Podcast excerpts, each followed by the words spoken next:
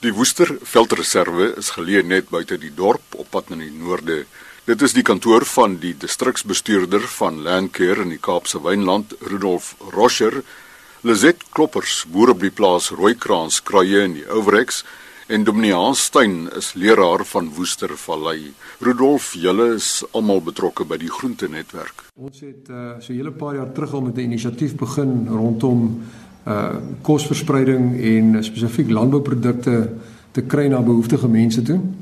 Uh die inisiatief was eintlik sy oorsprong gehad uh in die feit dat ons in Suid-Afrika en deur onlangse berigte deur die WNR dat sowat 10 miljoen ton se varsprodukte gaan uh jaarliks verlore en kom nooit op tafels uit nie. En uh 44% van daardie 10 miljoen is uh in die groente en vrugtebedryf. Nou dis 'n ge, gegeewe feit.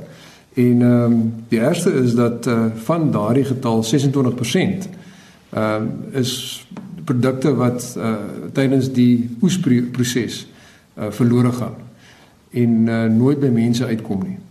Nou as jy na die geldwaarde kyk is dit natuurlik enorm, maar dit gaan nie net uh, die projek gaan nie daaroor oor die verlies aan ekonomiese kostes en so aan nie, maar dit is ook die verlies wat ons het uh, om kos by mense op hulle tafels te kry maar dit gaan oor die hoeveelheid water en hoeveelheid energie wat spandeer was op hierdie produkte om hulle te kan groei en groot te kry net om dan nou verlore te gaan.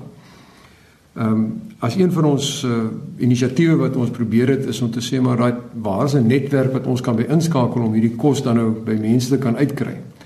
Nou onmiddellik het ek natuurlik boere nodig gehad en uit die aard van landcare soos jy weet uh, werk ons met gemeenskappe en met groepe en netwerke om ons sukses te kan behaal.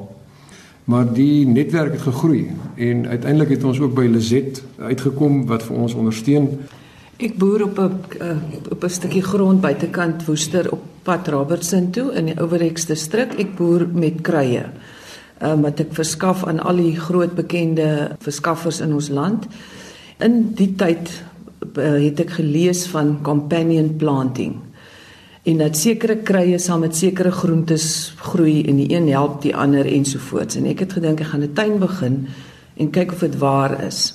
En toe die groente nou gereed is toe weet ek nie waar om met dit heen te gaan nie. En so het ek nou op 'n kerk toe gegaan en gevra is daar behoeftige gesinne? Dit het toe nou gegroei van 1 na 20 gesinne en toe het nou uitgebrei na uh, in Spenentemba dit is haar 'n vrou wat kyk na HIV babetjies. Ek het toe nou begin met haar, sy is intussen oorlede. En toe so dit gegaan van een sop kombuis na nog 'n sop kombuis.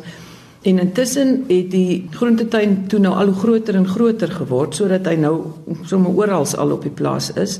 Enige oop stukkie is nou groentetuin. Omliggende boere het ook toe nou begin te inskakel by my projek. Sommige tydige ontydig stop haar bakkie met of butternuts of eie of kool of wat hulle ook al het. Partykeer bel hulle om te sê hulle is nou klaar geoes, ek kan maar kom optel wat oor is op die land. En so het ek toe nou by uh, Rudolf hulle betrokke geraak omdat die groente toe nou al hoe meer word. Ehm um, die skenkings en die tuin raak al hoe groter. En toe het ek nou by Rudolf hulle ingeskakel. Sy is nou baie beskeie, maar sy was 'n paar jaar terug was sy boervrou van die jaar as ek reg onthou. Ja. En ehm um, so dis 'n baie goeie en suksesvolle boerdery wat sy in die gang het. Natuurlik nou dat ons die groente het, ons het 'n netwerk onder die boere, was die volgende probleem die vervoer, want uh, die boere het nie altyd tyd of geleentheid om nou die produkte op die dorp te kry of na die netwerke toe nie. En dit is waar toe uh, die departement landbou ingeskakel het en uh, ons het uh, goedkeuring gekry met ondersteuning dat ons die groente kan gaan optel.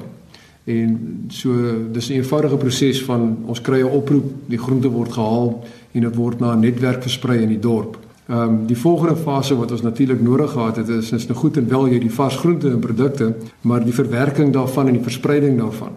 Uh, ons het onmiddellik die Woester uh, eh, ECD forum, nou ECD staan vir Early Childhood Development en ek weet Hans gaan vir ons definitief 'n bietjie meer daaroor kan vertel wat die netwerk behels. Ehm um, maar by hulle ingeskakel en ehm um, hulle het toe vir ons uh, voorgestel aan 64 verskillende crèches in die dorp wat deel is van hierdie forum en hulle word ook ondersteun deur die departement sosiale dienste wat ook betrokke is. En ehm uh, die kerk het toe betrokke geraak uh, as 'n ander komponent van die van hierdie netwerk wat ons het. en opleiding verskaf aan hierdie 64 crèches se chefs of mense wat die kos maak by hierdie crèches en dis uh, voorskoolse kinders Hans as ek nou reg is uh, wat nou by die crèches bywoon. Ek dink jy kan ons dalk 'n bietjie net meer daaroor vertel oor die crèches. Ons weet dat voeding 'n bepalende rol speel en ons sit met wat hulle noem stunting, kinders wat nie goed ontwikkel het nie as gevolg van gebrekkige voeding in hulle eerste 5, 6 lewensjare en dat dit 'n bepalende rol speel in die uitkoms van daai kind uh, op baie verskillende terreine. So dis eintlik hoe ons betrokke geraak het. Ons het hier in Woester gehelp bou deur 'n twee dag konferensie te hou waarin ons alle vroeë kindontwikkelingssentrums, alle ECD sentrums se hoofde en ook van die onderwysers genooi het en uit daai saamkoms het hierdie forum ontstaan waarvan Rolof gepraat het, die die Grapevine forum. En die forum help ons geweldig baie omdat ons nou maklik kan kommunikeer met alle geregistreerde krisis. En ons luister na wat hulle behoeftes is. En een van hulle behoeftes is is goeie kos. Maar die kinders leer ook die verskillende voedselsoorte ken en hulle help om dit af te skil. Hulle leer uh jy weet kossoorte ken wat hulle in die verlede nooit aan blootgestel is nie. Onderwyseresse by die crèches gaan en gebruik die kinders om hulle te wys hoe om voedselprosesering eintlik maar te doen. Jy weet dat landbou verskaf uh, amper die helfte van die werksgeleenthede direk indirek in hierdie gemeenskap van ons en dit is maar die storie van baie van Suid-Afrika se platteland. Ehm um, ek kan miskien net aansluit by Rudolf en verwys na ehm um, Bernanke die die ou wat die hoof is van sal ek nou maar sê die Amerikaanse Reservebank in ons taal wat uh, in navorsing gevind het vir elke 1 dollar wat jy investeer in vroeë kindontwikkeling kry jy 16 dollar terug teenoor elke 1 dollar wat jy naskools uh, in mense se opleiding spandeer wat jy maar 4 dollar terugkry. En ehm um, alle navorsing wys nou dat as jy 'n land regtig wil verander, moet jy begin by vroeë kindontwikkeling. Ons het te laat begin het. Ja, jy begin by graad R wanneer kinders reeds 'n agterstand het. En een van die uh bepalende dinge wat eintlik die uitkoms van 'n kind se ontwikkeling en groei en wiskundig en allerlei ander vermoëns bepaal is hoeveel woorde hy ken op 2-3 jaar. Sy latente woordeskat. En kinders uit arm gemeenskappe se latente woordeskat is baie klein. Terwyl kinders wat in gewone huise groot word en goeie blootstelling kry, ken reeds soms honderde duisende woorde latent. Kan nog nie almal sê nie, maar hulle is reeds daaraan blootgestel.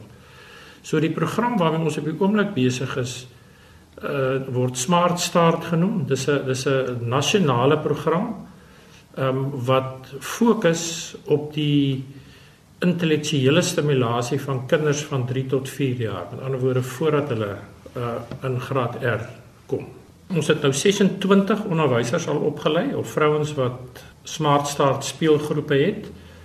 Maar is reeds besig om uit te brei in die Wes-Kaap. Ek wil net bysê dis groepe wat fokus op kinders wat nie enige toegang het tot bestaande ECD sentrums nie. So dis eintlik die armste van die arm kinders.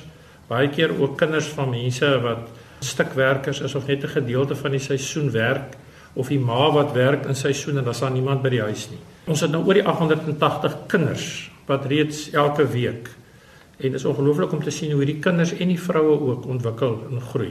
As ons praat oor hierdie ontwikkeling waarna ons sopas verwys het, Lizet, dan is die onderliggende faktor bly gesonde voedsel. Mm. Hoofsaaklik groente en eintlik is daar 'n verskriklike groot behoefte aan vrugte. Mm. Vrugte is vir vir die kinders soos lekkers. Dit hulle hulle kan nie genoeg kry nie. So daar is 'n groot behoefte by vrugte. Ek wil ook sommer net van die geleentheid gebruik maak om vir die boere dankie te sê. Jy weet dit is uh, baie keer soek hulle die geleenthede en ehm um, dit is 'n kwessie van om om die connecting the dots soos die Engelsman sal sê om hierdie netwerke in plek te kry net. Ehm um, daar is baie keer geleenthede wat boere wil graag iets gee en bydra en dit is net fantasties hierdie ding begin eskaleer en nou optel. Jy weet ons het altyd probeer om met uh, ons natuurlik ons normale groentetuinprojekte wat ons by crèches en klinieke en by skole en individue begin. Ons ervaring was dat daar so behoefte in hierdie gemeenskappe en 'n uh, pragtige aktiewe deelname, groentetuin klubs wat gestig raak en kompostering wat hulle self maak en eie groentetuin uh, saailinge wat hulle self kweek nou. Maar die probleem is dat die behoefte is so groot dat of hulle eet hulle eie produk elke 3 maande op Ehm um, en daar is baie min om te verkoop om 'n besigheid te kan begin en bitter min om te kan uitdeel aan die res van die gemeenskap. So dis op 'n baie klein skaal. hierdie netwerk of proses as gevolg van Lizet en haar bure en ander boere in ons omgewing het veroorsaak dat ons met verskriklike tree vorentoe kon spring en onmiddellik ek letterlik honderde kinders uh skielik kan begin help het om hierdie varsprodukte te kry. Daarsonder sou ons dit nie kon reg gekry het nie. Ons met ander woorde jy is nie net meer die saaier op die preekstoel nie, jy is nou ook 'n erkende groenteboer in Woester se omgewing. Ek weet nie of die boere met jou sal saamstem dat ek 'n groenteboer al is nie. Ek ek is eintlik uh, my pa was 'n 'n landbouonderwyser gewees al die jare en ek het seker by hom en my ma die liefde vir grond en vir groente het ek geërf. My ma hulle ken nou nog, hulle is al diep in hulle 80's, ken hulle jy weet al die wetenskaplike name botanies van plante en struike. Maar ek het nie nie voorsien toe ek hier in Woester gekom het dat die Here vir mense op so 'n pad sou lei. So 'n opwindende pad en ek wil aansluit by Rudolf en sê ek dink elke uh luisteraar en elke boer en elke gemeenskapsleier en elke geestelike leier in ons land behoort te vra waar is die Here reeds aan die werk in hulle omgewing?